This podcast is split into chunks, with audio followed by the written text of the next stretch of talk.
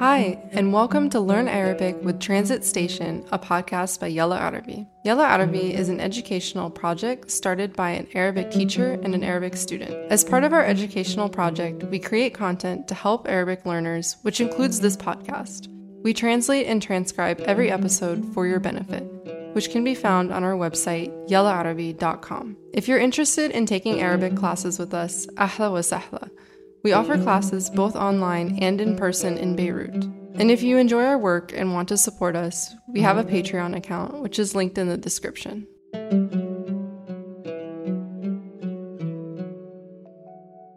Today's episode is about Ghassan Kanafani, who was a famous Palestinian writer and political activist. He strongly believed in the power of stories to change the hearts of people and in the potential of children. He was assassinated in Hazmiya near Beirut in 1972 by the Israeli intelligence service. Here is Samer with the life story of Kanafani in detail.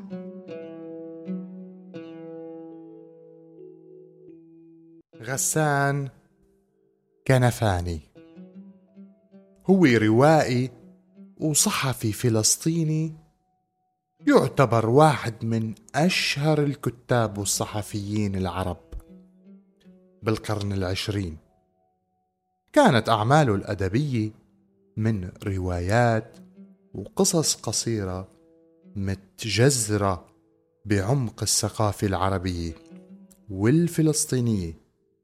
اغتياله كان على إيد جهاز المخابرات الإسرائيلية الموساد ب 8 تموز 1972 لما كان عمره 36 سنة قاموا بتفجير سيارته بمنطقة الحازمية القريبة من بيروت كتب بشكل أساسي بمواضيع التحرر الفلسطيني بعام 1948 انجبر هو وعيلته للنزوح من فلسطين فعاش بسوريا بعدين بلبنان وطلعت له الجنسية اللبنانية كمل دراسته الثانوية بدمشق ونجح بالبكالوريا سنة 1952 بعدين انضم لكلية الأدب العربي بجامعة دمشق وانقطع عن الدراسة بالسنة الثانية. انضم لحركة القوميين العرب عام 1953 لما التقى بقائدها جورج حبش. بعدين راح للكويت واشتغل بالتدريس الابتدائي. بعدين رجع لبيروت للشغل بمجلة الحرية ب 1961 يلي كانت تنطق باسم الحركة. بعد هالشي عمل رئيس تحرير جريدة المحرر اللبنانية وأصدر فيها ملحق فلسطين. لما تأسست الجبهة الشعبية لتحرير فلسطين عام 1967 أسس مجلة ناطقة باسمها وسماها مجلة الهدف. وترأس تحريرها تزوج من سيدة دنماركية اسمها آن وأنجبت له ولدين فايز وليلى. مر والد غسان بظروف معيشية صعبة كتير حتى صار محامي. لأنه بيو بده ابنه يكون تاجر أو يتعلم أي مهنة ليعيش منها. بس طموح الابن وحبه ليكون متميز خلاه يتابع دراسته للنهاية. خلال فترة دراسته كان مرة ينسخ المحاضرات لزملائه ومرة يبيع الزيت يلي يبعت له إياه بيو من شان يشتري بداله أكل ومازوت وأوقات كان يسكن مع بعض العائلات حتى يوفر مصاري. بعد ما تخرج وصار محامي انتقل لعكا وهنيك تجوز. من حسن حظه توفق بزوجته لأنه وقفت جنبه على الحلوة والمرة وبفضل الله نجح بمهنته. كانت أغلب مرافعاته بقضايا وطنية ومن سوء حظه تم اعتقاله أكثر من مرة. وحدة منهم كان بسبب شكوى من الوكالة اليهودية. هذا هو والد غسان كنفاني يلي ترك آثار كبير بحياته بدون شك. كان غسان ثالث أخوته وهو الوحيد يلي خلق بعكا. ومن حسن حظه إنه التحق بمدرسة الفرير بيافا وكان محسود لأنه كان يدرس اللغة الفرنسية مع باقي المواد التانية. بس بالمقابل كان حظه سيء لأنه الحي اللي كان عايش فيه بيافا ملاصق لتل أبيب. يلي صار في أول حوادث الاحتكاك بين العرب واليهود نتيجة تقسيم فلسطين. لهالسبب رجعوا على عكا. وبعدها صار الهجوم الأول على عكا من قبل اليهود. وبلشت توصل أخبار مجازر دير ياسين ويافا من الفلسطينيين اللي نزحوا على عكا. ونتيجة استمرار الاشتباكات بين اليهود والفلسطينيين اللي كانوا ما بيملكوا سلاح عصري مثل اليهود غادرت أسرة غسان عكا لصيدا بلبنان. وبقيوا هنيك أربعين يوم عايشين بظروف قاسية. كتير. بعدين انتقلوا مع آخرين بالقطار لحلب وبعدين لدمشق. وهنيك عاشوا ببيت قديم بدمشق وبلشت هنيك مرحلة جديدة قاسية من مراحل حياة أسرة غسان. كان غسان هادي بطفولته كتير وكان متفاعل مع مشاكلهم بس هالشي ما كان مبين عليه. خلال دراسته اشتغل بأحد الصحف وكان يكتب بعض الشعر والمسرحيات والمقطوعات الوجدانية بالإضافة لاهتمامه بالرسم. كان لأخته تأثير قوي عليه. بهالمرحلة من حياته كانت تشجعه على الكتابة وتمده بالثقة حتى يستمر بالكتابة. مشان هيك بعد ما خلص الثانوية التحق بجامعة دمشق ليدرس الأدب العربي. أواخر عام 1955 راح للتدريس بمدارس الكويت بعد ما سبقته شقيقته وشقيقه بكم سنة لهنيك. هنيك صار عنده إقبال كبير على القراءة وذكر أنه كان يوميا يقرأ كتاب كامل مع استيعاب جيد. وهذا ما رفع مستواه الفكري لدرجة عالية. اشتغل غسان بصحيفة كويتية وكان يكتب فيها تعليق سياسي بتوقيع أبو العز.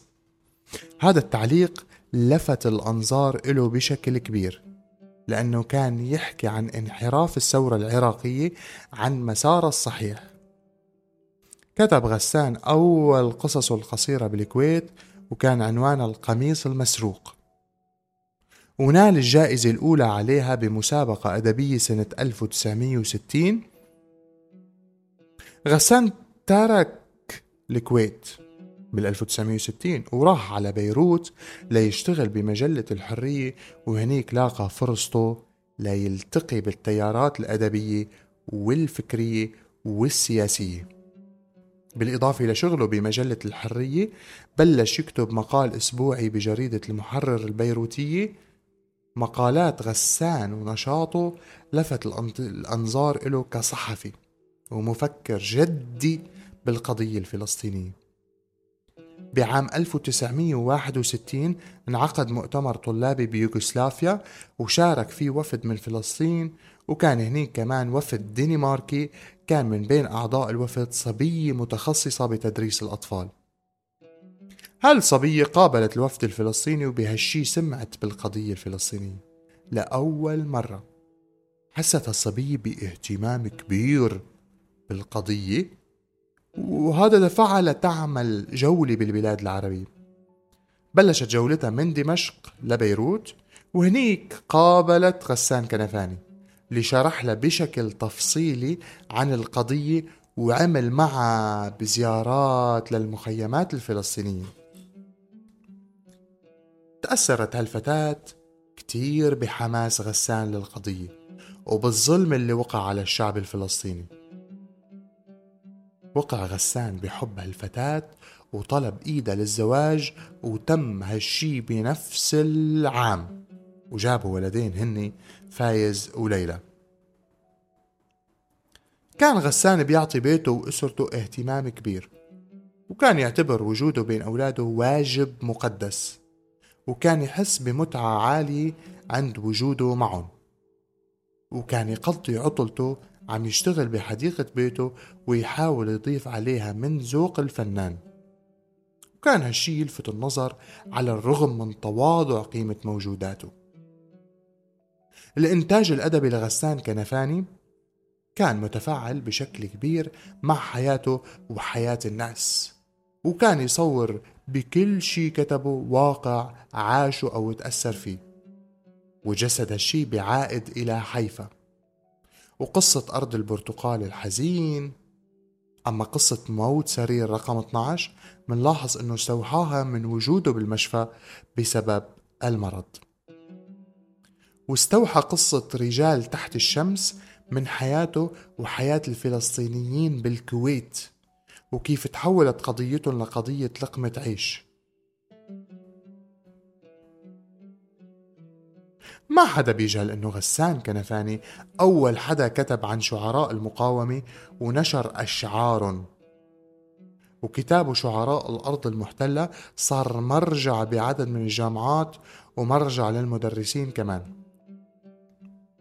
الدراسة الوحيدة الجدية عن الأدب الصهيوني كانت لغسان اللي نشرتها مؤسسة الأبحاث بعنوان في الأدب الصهيوني.